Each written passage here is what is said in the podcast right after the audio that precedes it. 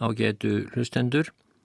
Þátturinn fyrir viku endaði upp á Everestfjalli árið 1922 þar sem breskur leiðangur var að reyna að komast á toppin. Leiðangursmenn þráðu að verða fyrstir allra til að standa á hæsta tindi jörðar.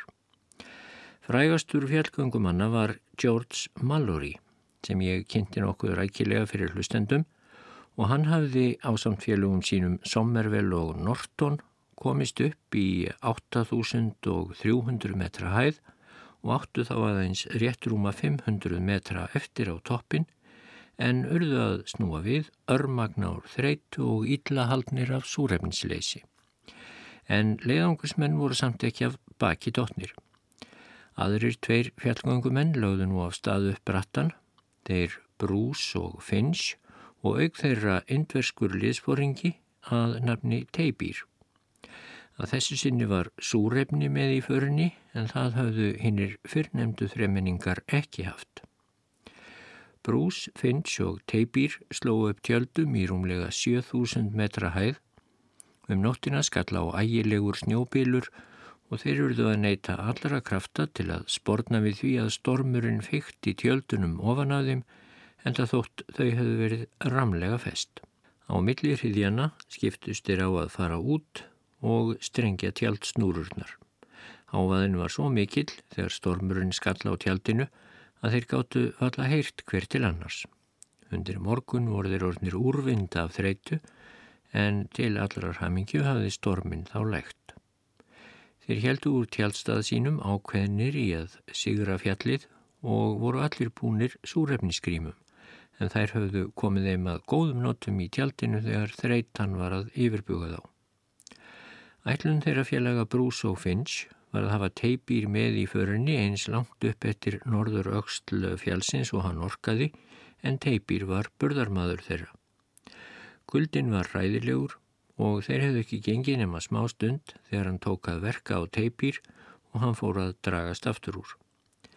Í rúmlega 8000 metra hæð neig teipýri niður og andlit hans skall í grjót og súrefnisgríma hans brotnaði. Hann hafi gert sitt besta og eftir að gríman hafi verið lagfærð snýri hann aftur til tjaldana.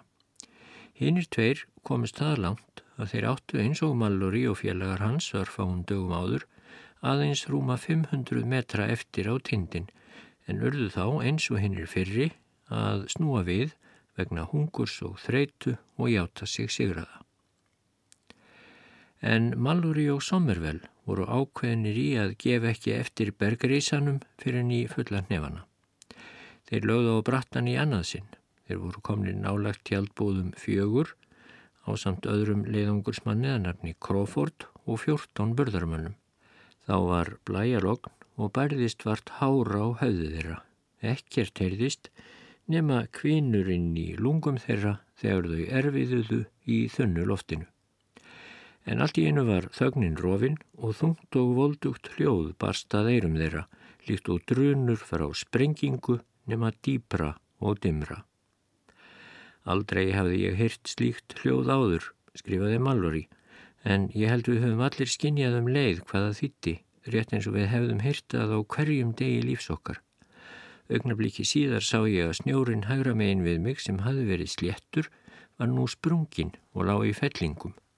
Með krampakendri reyfingu hljóp ég í áttinaða fellingunum líkt og ég hefði fengið örskjótt hugbóð. Síðan tók ég að renna niðrófið, borin áfram á snjófletinum af afli sem ég gætt engan veginn spornað við. Mér tókst með einhverjum hætti að komast út úr sjálfum hallanum svo ég rann ekki beinti niður hann Í nokkrar sekundur virtist ég ekki vera í verulegri hættu en þá strykkaði á tauginni sem ég hafði mittið og ég staðnæmdist. Snjóbilgja flætti yfir mig og dró mig með sér. Ég gekk út frá því sem vísu að ég væri nú dauðans matur.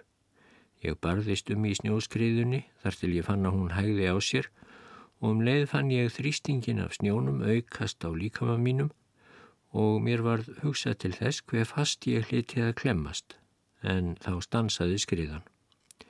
Eftir stuttastund gæti ég brotist upp úr snjónum og komst á fætur. Línanum mittið á mér var full strengt og ég reiknaði með að burðarmadurinn næst mér hliti að vera mjög djúft grafin en mér til undrunnar þá stakk hann upp kollinum upp úr snjónum rétt hjá mér og algjörlega óskattaður. Sommervel og Crawford voru líka rétt hjá mér og það leiði ekki á löngu þar til þeir voru lausir úr snjónum. Þegar við litum niður snjóskriðuna sáum við hóp af burðarmönnum standa í um það byrju 40 metra fjarlagð en sennilega voru hinnir grafnir á milli þeirra og okkar og við byrjuðum strax að leita að þeim í snjónum. En burðarmennir fyrir neðan okkur kom ekki til hjálpar. Þeir stóðu kyrrir í sömu sporum og bentu niður fyrir sig, niður 20 til 30 metra hátt hengiflug. Þeir komust svo fljótlega niður fyrir hengiflugið og fundu þá fljótlega einn mann sem var lifandi en annar skamt frá honum var látin og þeir sem næstir honum voru, voru einnig látnir.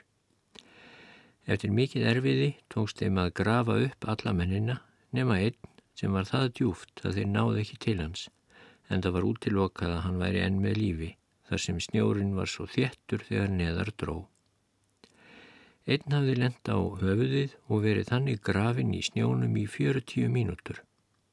Snjórin lág svo þétt á hennum að þeir ætluði aldrei að geta náðunum en þó var hann lifandi og jafnaði sig furðanlega fljótlega.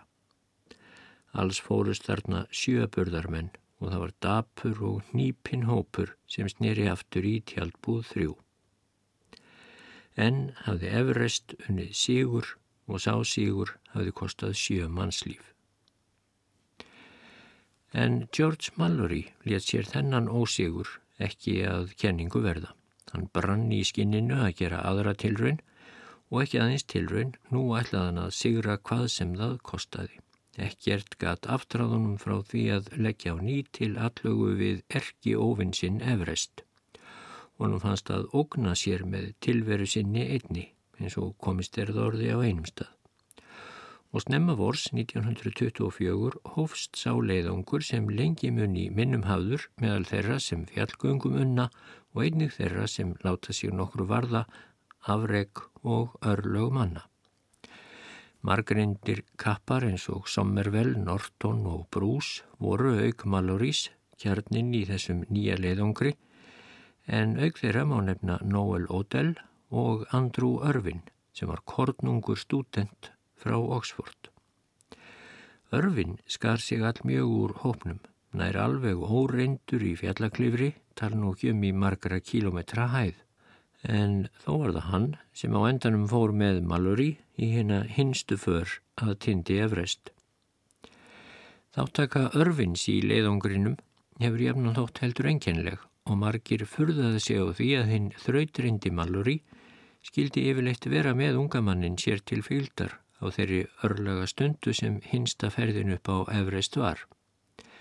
Sumir heldur því fram að Mallory hafi valið örfin til þess að skikja ekki á sjálfan sig en hann hefur áraðanlega ekki látið slíkt ráða för sinni þegar um jafn mikilvæga ferð var að ræða. Nærvera örfins í leiðungrinum átti sér raunar sínar skýringar. Örfin var af svipuðu þjóðfélagsstígi og Mallory. Fadur hans var kaupsíslumadur sem fegst við sagfræði í frístundum og skrifaði mikið um sögu Cheshire og í fjölskyldinu var mikið um skóla og mentafólk. Örfin var til dæmis náfrændi Harriet Shaw Weaver sem var á sínum tíma öflug kvenréttindakona og rittstjóri og kannski kunnust fyrir að leggja ritthöfundinum James Joyce ímislegt það lið sem hún gata. Shaw Weaver mun hafa styrt Joyce gegnum tíðina með upphæði sem nú myndi svara til miljón punta eða hátt í 200 miljóna íslenskara króna og borgaði svo á endanum jarðarförun hans. Önnur frænka örfin skerðist læknir og var brautriðjandi í hópi kvenna á því sviði. Hún stopnaði meira segja sitt eigið sjúkrahús og skar þar upp bæði konur og börn. Eftir því sem bestir vitað var hún fyrsta konan sem var skurðuleiknir á Breitlandi. Og þriðja frængan, Linn Örvin, hún var nokkuð velmetið skáld á sinni tíð og stopnaði tímaritt þar sem hún byrti verk sín. Það er til þess tekið í annálum að meðal áskrifenda að tímarittinu hafi verið Virginia Woolf og Graham Greene. En þótt Andrú Örvin, sem jefnan var gallaður Sandi vegna þess hver ljós hann var yfirlitum, þótt hann hafi þannig verið af mentafólki komin var hann sjálfur engin afreiksmaður í skóla, raunar þvert á móti, honum gekk bölvanlega við bækurnar og ástæðan mun fyrst og fremst hafa verið svo að hann þótti einfallega heldur tregur til þeirra hluta. En þó tókst að lokum að komunum í verkfræðinám í góðan skóla í Oxford en allir vissur endar að ástæðan fyrir því að hann fekk þá skólavist var svo að hann var íþróttamaður góður og alveg sérstaklega knár ræðari en róðurarkeppnin við háskólan í Cambridge á kurju ári var einn af hápunktum skólalífsins í Oxford og þar í borg þykir ekki frágangsög þótt einum og einum klénum námsmanni sé hlift á skólabekk ef framistada hans í róðri getur orðið til þess að auka sigur líkur Oxford skólana gegn Cambridge. Og svo var sem sagt raunin um örfin. Hann var hávaksinn og sterkur og þólgóður og atorkusamur, bæði við róður og ymsar líkamlegar þrautir aðrar og þótt hann væri augljóslega engin mannvitsbrekka eins og þar stendur þá þóttan viðkunnanlegur náungi, þægilegur í umgengni og yfirleitt ljúfur sem lamp.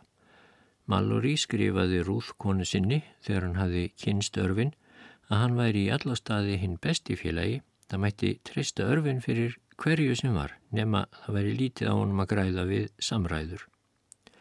En það verður nú ekki á allt kosið. Ástæðan fyrir því að örfin var komin til Himalaya var óvænt.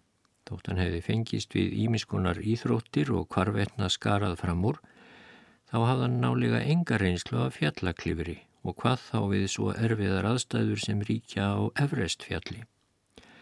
Hann þekkti lítilega einn leiðungursmannin, Noel Odell, og sömarið 1923 hafði Odell verið farstjóri í ferð Oxford studenta til Svalbardha.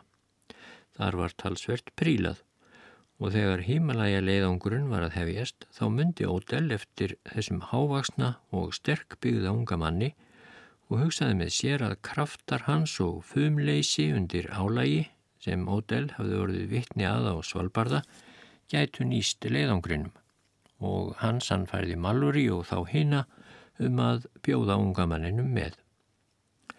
Ástæðin fyrir því að örfin let sér detta í huga leggja út í þetta ævintýri, hún var af nokkuð öðru tægi.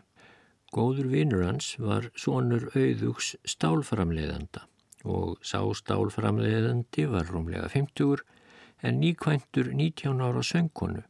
Hún hafði uppgötvað skömmu eftir brúðkaupið að hún girtist ekki alveg nógu mikið sinn rúmlega miðaldra karl. En leitt unga og hraustlega kroppa jafnaldra sinna hins vegar hýru auga og vildi fá að snerta þá.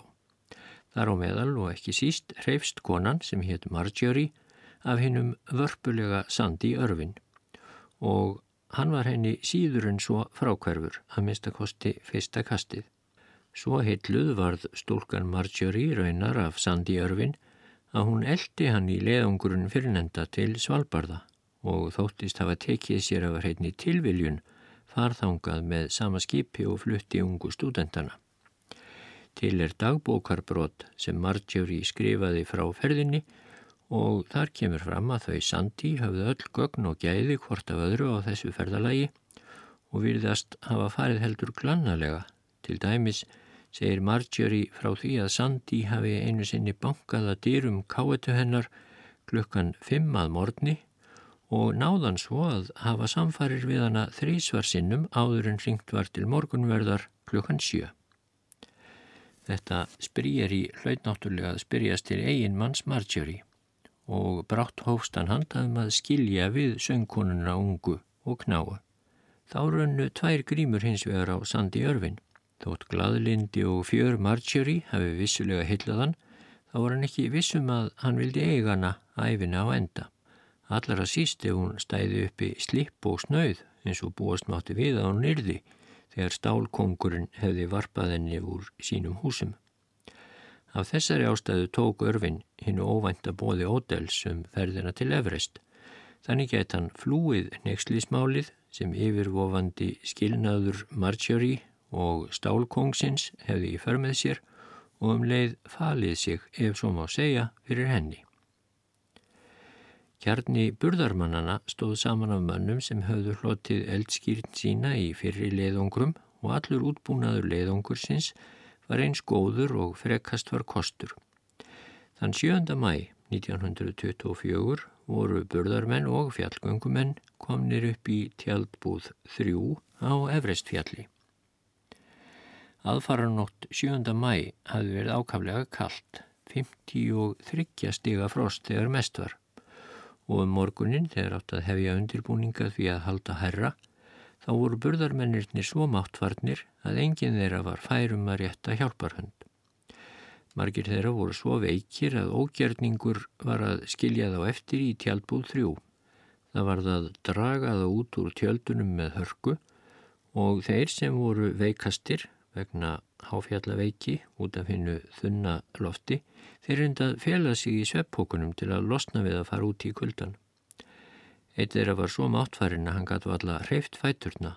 Fæturnir voru svo bólnir vegna kulda að hann komst ekki í stígveilin sín.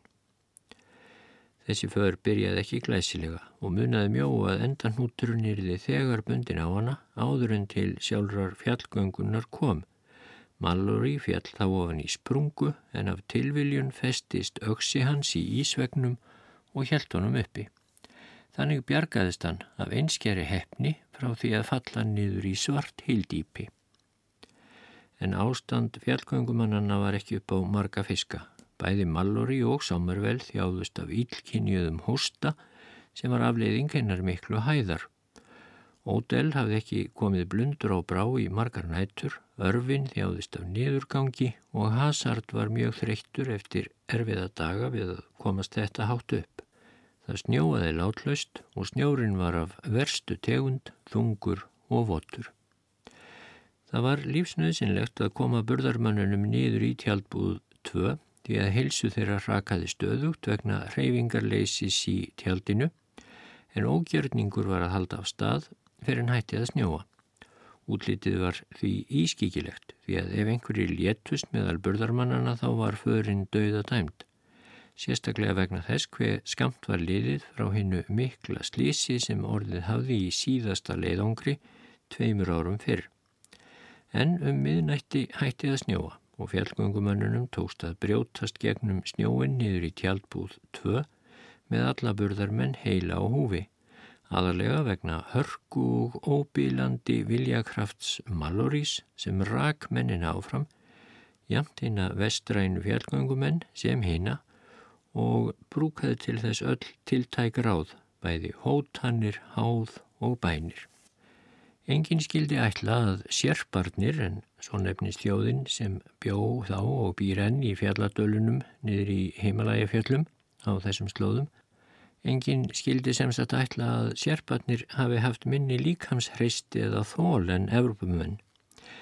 Sérpartnir voru raunar betur til þess fallnir að ferðast í háfjöllum en Evrópumenn en það hafa þeir vanist í frá barnæsku að lifa í hinnu þunna lofti á hásléttum Himalaya og Tíbets og bera þungar byrðar. Efreist fara hefur greint á um margt en þeir hafa allir verið sammála um að án hins mikla þóls sérpanna og getu þeirra til að bera þungar byrðar hátt á fjöllum uppi, þá hefðu vestrænir fjallgöngumenn verið ídla settir. Eftir að hafa kvílt sig í nokkra daga eftir áreinsluna við að komast niður í tjaldbúð 2, þá gerðu Mallory og Bruce tilraun til að komast upp á tindin, en þeir eruðu að snúa aftur í 8000 metra hæð eftir að hafa verið þar í tjöldum einan ótt vegna þess að burðarmennirnir treystust þá ekki til að halda lengra. Þá var komið að Sommervel og Norton að reyna og þrátt fyrir mjög sleimt ástand burðarmannana þá tókst þeim að komast upp í 8300 metra hæð og þar slóðu þeir upp tjaldbúðum. Þetta var svo hæð sem Sommervel og Mallory höfðu náð 1922 og jáfnframt mestahæð sem menn höfðu komist til þessa án súrefnistækja. Það var því eðlilegt að þeir Norton og Sommervel væri bjart sínir þegar þeir gáttu sett upp tjaldbúð svo nálægt hátindinum. Burðarmennir snýru aftur en Norton og Sommervel kvíldust um nóttina í tjaldinu. Morgunin rann upp, bjartur og fagur eins góður og frekast var það á kosið. Norton var vel upplagður en Sommervel þjáðist af hræðilegum hósta. Í 8600 metra hæð þegar aðeins rúmir 200 metrar voru eftir þá gafst Sommervel upp en það háði hóstinn honum mjög. Norton barðist áfram einn. Hann gæti aðeins tekið 13 skref í einu þá var þann að kvílast, sögum hins mikla álags á lungun. Hann fór að finna til verkjar í augum og sá tvöfalt og það allunum miklum vandræðum þegar hann klifraði í hættulegum klettasillum. Hann komst yfir verstu toffærunnar og leiðin upp á tindin virtist sæmilega greiðfær. En klukkan var orðin margt og jafnvel þótt hann kæmist á 300 metra sem eftir voru upp á hátindin þá var útilokað að hann kæmist til tjaldsins aftur fyrir myrkur þar með væri hann döðadæmdur. Hann snýri því veið. Að kvöldi næsta dags fóruðir niður í tjaldbúð fjögur og heitu þar Mallory, Odell og Örvin. Þetta sama kvöld fekk Norton miklar kvalir í augun og misti algjörlega sjón í 60 stundir af völdum snjóbyrtu. En þótt þeim Norton og Sommervel hefðu misefnast að sigra tindin, þá var Mallory ekki á því að gefast upp við svo búið. Vilja styrkur hans og ákafi var svo mikill að ekkert fekk brotiðan á bakkaftur. Örfin og hann heldu upp fjallið, fullir bjart síni og bardaga gleði en þeir snýru aldrei aftur. Og þar með hafði Everest lagt að velli þann mann sem fastast hafði leitað á það. Engin veit hvort þeir komist upp, nýja hver örlög þeirra örðu. Mörgum árum setna fannst Ísöksi sem þeim tilherði en hún varpaði engu ljósi á það hvernig þeir kunnað hafa farist. Everest geymir lífðerra og dauða í þögn. Við þetta hörmulega slís setti óhugað mannum. Fyrst Mallory, sem talin var lang besti fjallgöngum aður heims um þessar myndir, hafði týnt lífi sínu í viðregn við fjallið, við hverju máttu þá aðrir búast. Það var eins og ósýnilegt járn tjald væri dreyið um hverfi stindin í rúmlega 8000 metra hæð, þangað og ekki lengra væri mönnum ætlað að komast. Þetta kitlaði hjátrú fólks sem fekk byr þegar ríkistjórnin í Tíbet tilkynnti að hún gefi ekki fyrir ekkari leifi til uppgöngu á Everest þar sem guðir fjálsins væru auðsjámanlega gramir.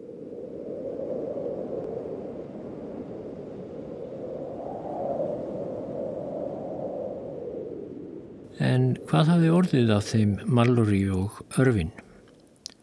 Árið 1933 þá hafði Ísöksi sem talið er að hafi verið í eigu örfins fundist í hlýðinni nokkru neðan fyrir þá leið sem talið er víst að Mallory og örfin hafi farið. Af staðsetningu aksarinnar mátti helst álíkta að örfin hafi mist hana frá sér eða ég vil lagt hana frá sér Kanski að því Mallory hafi þá rasað og örfin hafi losað sig við auksina til að freysta þess að halda fast í reypið sem þeir höfðu á millisín. En ekki tókst þó að draga aðrar álektanir af fundi Ísaksarinnar og hverki sáu slík þeirra. Og þótt menn næður loks á Tind Everest árið 1953 og svo reglulega eftir það og svo æg oftar Þá sáust aldrei neyn merki um Mallory eða Örvin og engar vísbendingar fundust um það hvortir hefðu náð á tindin. Fyrir nárið 1979 þá var kynverskur fjallgangumadur á ferð á fjallinu, einn af þáttakendum í sameinlegum leiðangri kynverja og Japana.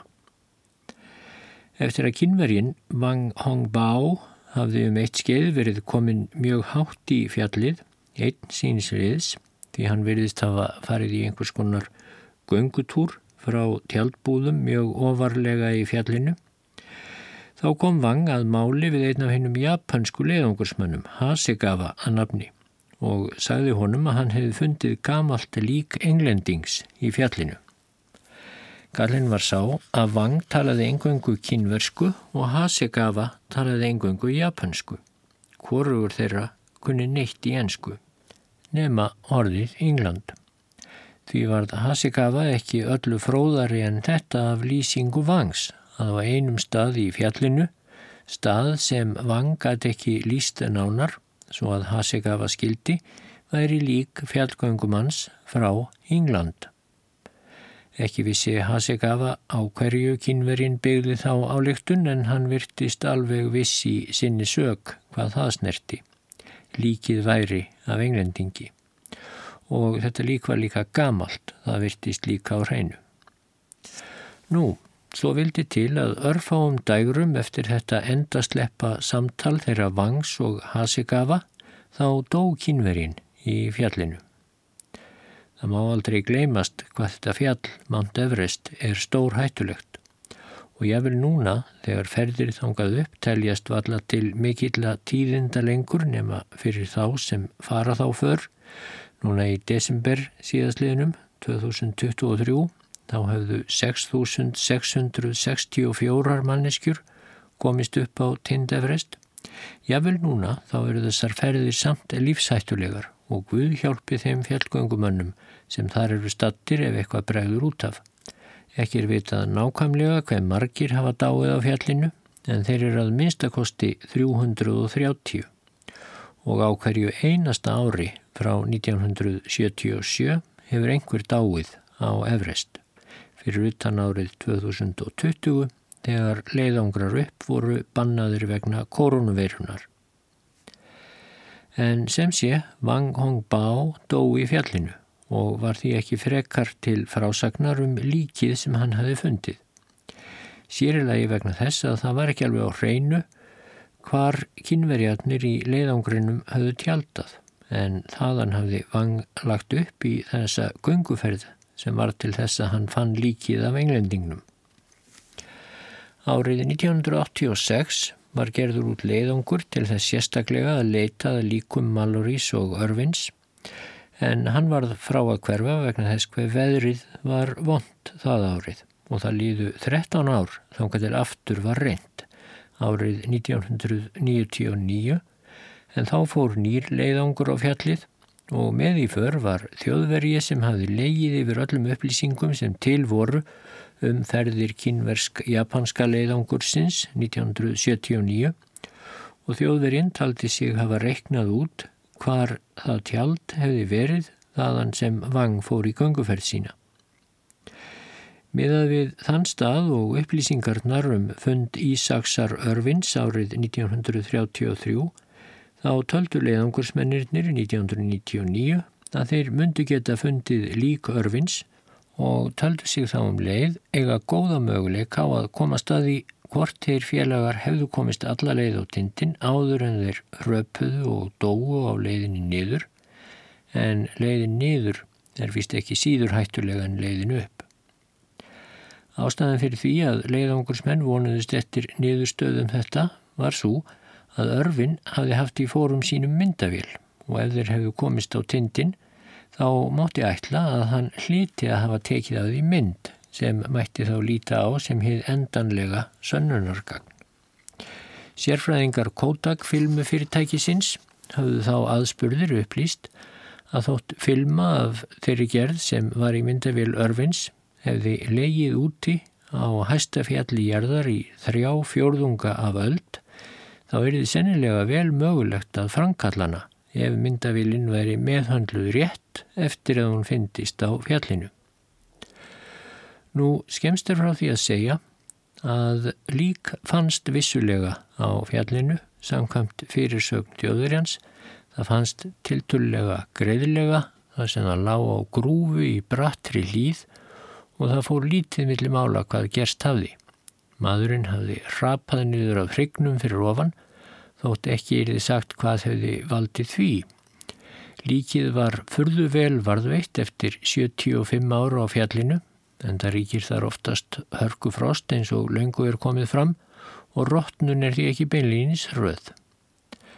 Það sáust greinlega merki um að náhrafnar sem búa í himalæja og leita sér stundum fæðu furðu hátt uppi, jáfnvel svona hátt uppi, þar sem enga fæðu á í rauninni að vera að finna, þeir náhrafnar höfðu krukkað í líkið en það var samt sem áður vel þekkjanlegt og það kom leiðangursmönnum tölvert á óvart að þetta var ekki örfin, heldur Mallory og það gæti heldur ekki farið millir mála því föttinans voru mert og í þeim leifum af fjallgönguföttum sem líkið var enþá klætt eftir alla þessa áratögi þar fundust líka bref til Mallorys og ímislegt úr hans fórum.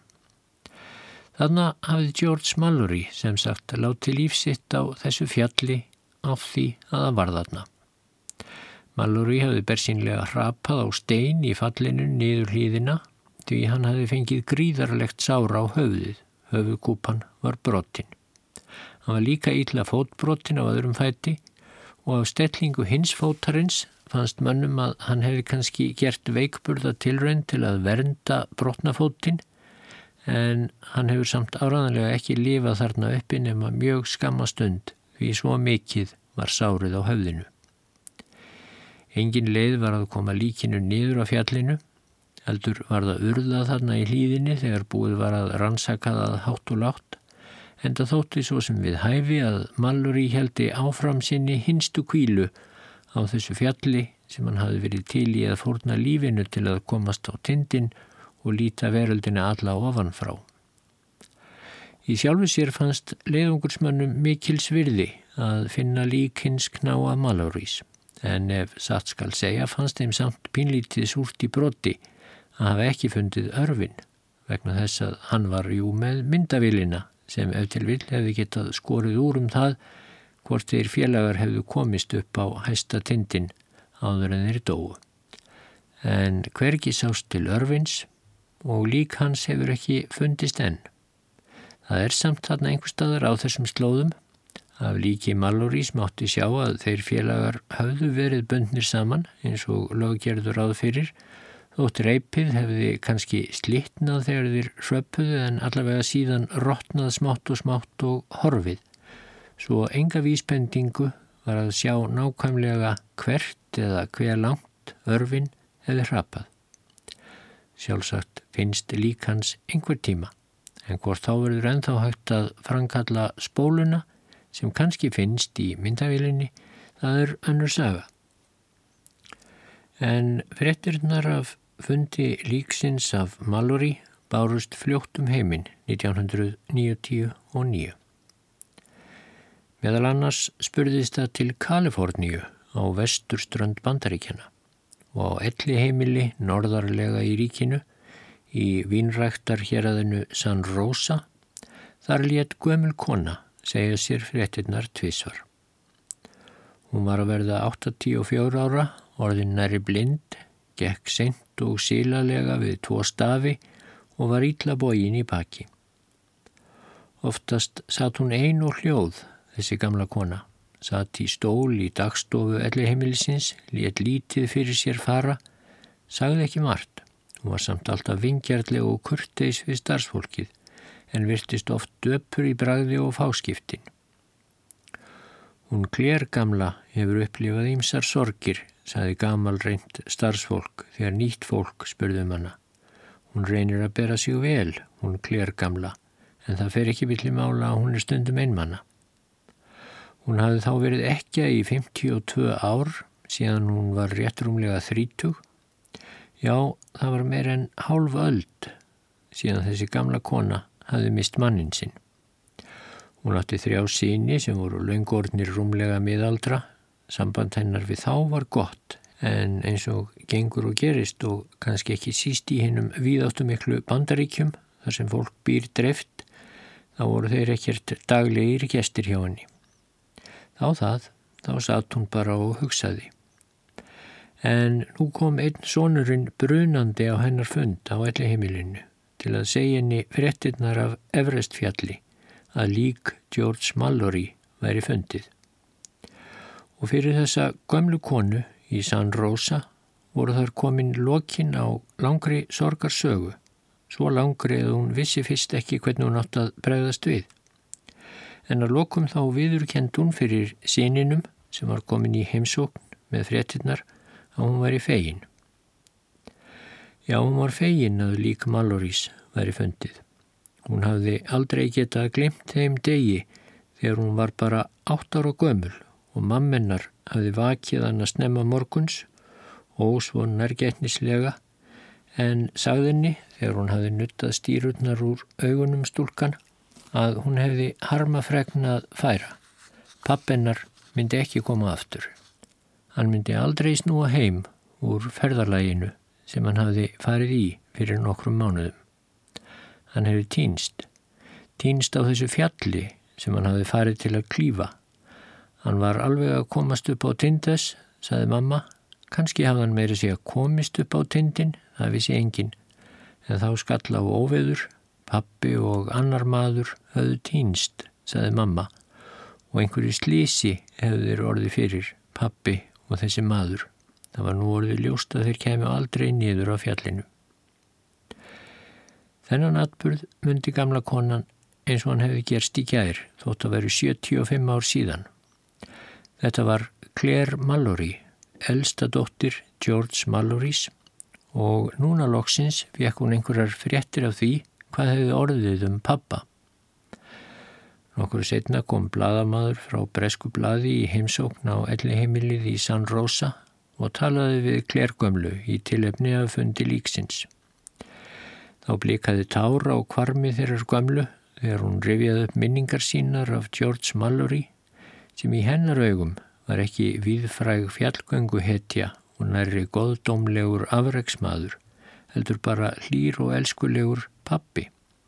Pappi sem var þó alltaf að fara burt í leiðangra. Það kvarlaði aldrei að okkur að hann kem ekki tilbaka, saði gamla konan við bladamannin. Hann var alltaf á ferð og flugi, stundum var hann í burtu mánuðum saman, en alltaf kom hann aftur og þá var svo gaman, svo notalegt, svo hlýtt. Ég dýrkaði pappa, sað hún. Hann var svo sjarmirandi og skemmtilegur og ég hefði viljað fá að kynast honum betur, miklu betur og miklu lengur. En svo var hann allt í einu endanlega farin og það var mikið högg. Ég saknaði hans svo, saði gamla konan við bladamannin. Ég saknaði hans svo ákaft, ég vildi að hann hefði komið aftur. En það var huggun harmi gegn þegar ég heyrði núna að hann hefur sennilega dáið á svip stundu. Hann var víst með svo mikið sára á höfðinu að hann hefur ekki lifað nema örskama stund þarna í kuldanum. Hann þurfti ekki að liggja þarna lengi og hugleiða að hann væri að deyja.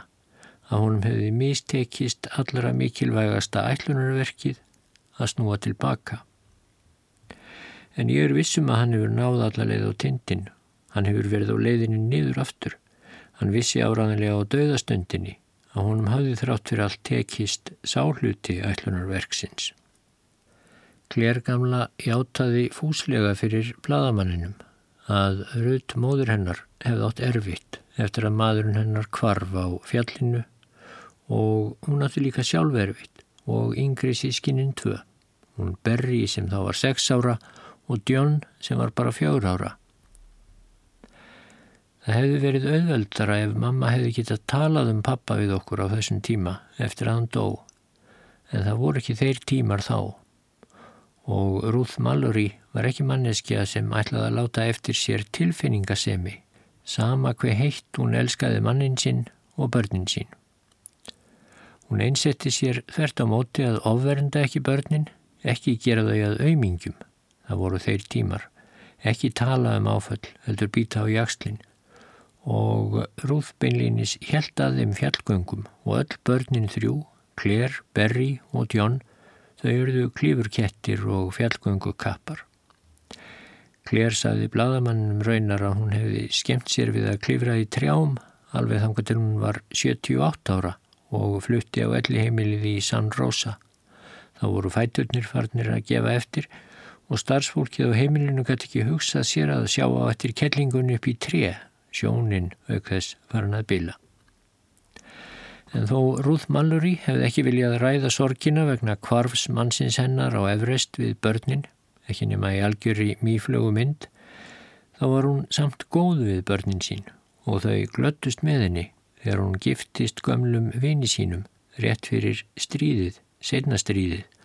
Hún átti það skilið, fannst þeim, að hún átti skilið hamingju eftir að hafa lifað sem ekja í 15 ár.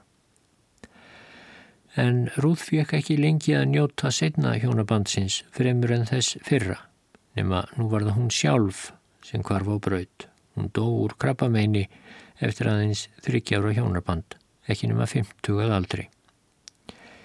Berri í dóttirinnar dó tíu árum setna, líka úr krabba og þá hafði Klerindar þegar mátt þóla kannski sína mestu sorg.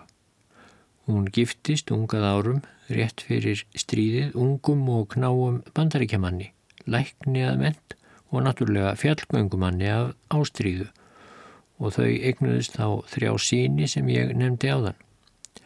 En 1947 þá voru Kler og maðurinn hennar í fjallgöngu í Tennessee og þau voru á samt fleirum að klífa upp gljúfur og Glenn, maðurinn hennar, hann varð fyrir stórum steini sem hrundi úr gljúfurbarminum. Þetta var fallegur staður og fallegur dagur, saði Claire við bladamannin og hún sá mannin sinn verða fyrir steininum. Ég flíti mér til hans og fannst ég að finna svo litinn púls en ég vissi samt um leið að það var engin von og reyndar vonaði ég strax að Glenn myndi deyja sem fyrst því hann var augljóslega hróðalega skattaður á heila en það fór svo að Glenn dó á skamri stundu. Ég var sem dofin lengi eftir að Glenn dó, sað hún. Ég grublaði og grublaði eftir einhverju meiningu í þessu en það var engin meining í neina á þessu. Ekki frekar en þegar pappinar dó en Claire reyndi að endur taka ekki mistök móður sinnar sem hafði reyndi að þeia af sér og börnunum áfallið. Strákarnir mínur hafði mist svo góðan pappa, sá hún bladamanninum og ég sá ekki hvernig ég geti fyllt í skarðhans en ég ákvaði að reyna það ekkert. Þetta gerðist rétt áður en Glenn átti ammæli og strákarnir voru búin að búa til ammæliskefir handunum. Ég fór þess vegna með þá upp í hæðirnar skamt frá staðunum þar sem hann dó og þar skildum við gjafirnar eftir, efst á fallegri hæð. Svo fór hún með strákana í fjallgöngur sem þeir stundavist enn. Ég vildi að þeir fengi að njóta allrar þeirrar hamingju sem fylgir því að klifra til fjalla. Kler fekk aldrei tækifæri til að fara upp á Everest og hveði að þar föður sinn með einhverjum svipuðum hætti og hún let drengina sína hveði að glenn en að vissuleiti var það mikilvæg stund fyrir hanna þegar bróður sonur hennar, George, sonur litla bróður hennar, Jones, þegar George Mallory kleif Everest árið 1995 og skildi þar eftir ljósmynd af afa sínum og ömmu, George og Ruth Mallory. Ég kunni að meta það, saði Claire við bladamannin. Þannig var pappi þá kominn ásamt mömmu á þennan stað þangað sem hann hafði þráðað komast. Og núna 1999 þá var sem sé runnin upp önnur og meiri kveðjustund þegar lík föðurinnar fannst. Gamla konan bað stundan því að skoða ljósmynd af líki föður hennar á fjallinu. Sár hennar var enn ekki gróið að fullu þótt 75 ár væru liðin. En eitt vild hún vita hvað hafði fundist í vössum hans. Nákvæmlega hvað hafði verið í vössunum. Henni var sagt frá því, frá brefi og ímsu smálegu sem þar hafði verið. En akkur vildi hún endilega vita þetta? Jú, saði Gler gamla, þegar ég var lítil þá var mér alveg sama hvort pappi hefði komist á toppin eða ekki. Fólk vildi sífelt vera að tala um það við mig en það skipti mig engu, bara hitt að hann kom aldrei tilbaka. En núna, núna fannst henni skipta máli að vita hvað hann hafi verið með í vösunum. Vegna þess að þá fyrst árið 1999 þegar lík Mallory's fannst eftir allan þennan tíma Þá upplýsti Claire í fyrsta sinn um svo litið sem Ruth móðurinnar hafði sagt henni þegar hún komst á táningsaldur. Ruth vildi sem fyrr segir lítið tala um fráfall Mallorís við börnin sín. En á einni viðkvæmri stundu, þegar Claire var orðin 14-15 ára, þá hafði Ruth mist út úr sér svo litið, svo litið sem hún hafði engum sagt fyrr og Claire sagði síðan engum fyrir en mörgum áratugum síðar þegar lík Mallorís fannst. Mallory hafði nefnilega verið með í fórum sínum einn hlut sem engin vissi af, einn hlut sem hann sagði engum frá, einn hlut sem hann sagði koninni sinni, henni Rúð, að hann ætlaði að skilja eftir á hæstatindi Everest ef hann kæmist alla leið. Það var ljósmynd af henni, ljósmynd af Rúð, koninni hans, sem beigð heima með börnin meðan hann glýmdi við hérna erfiðustu raun hæstafjall í heimi. Ef hann kæmist ángað, saðan við konuna sína, þá skil ég myndina eftir, myndina af þér. Og núna 75 árum síðar þá gætt Claire, dóttir hans, 8-10-30 ára gömul, næri blind, fáskiptin, gömul kona á elli heimili, hínum einn á nettinum. Hún gætt ekki stilt sig um að spyrja þegar hún frétti líkfundin. Hún spurði, var mynda mömmu í fórum hans, henni elsku góðu mömmu minni. Og henni var svarað, nei, það var engin mynd af Ruth Mallory í þeim klæðabútum sem fundust á líkinu. Engin mynd. Hafi hann verið með slíka mynd, þá hafði hann lagt hana frá sér einhver staðar áður en hann dó. Og hvar þá? Nema á topnum.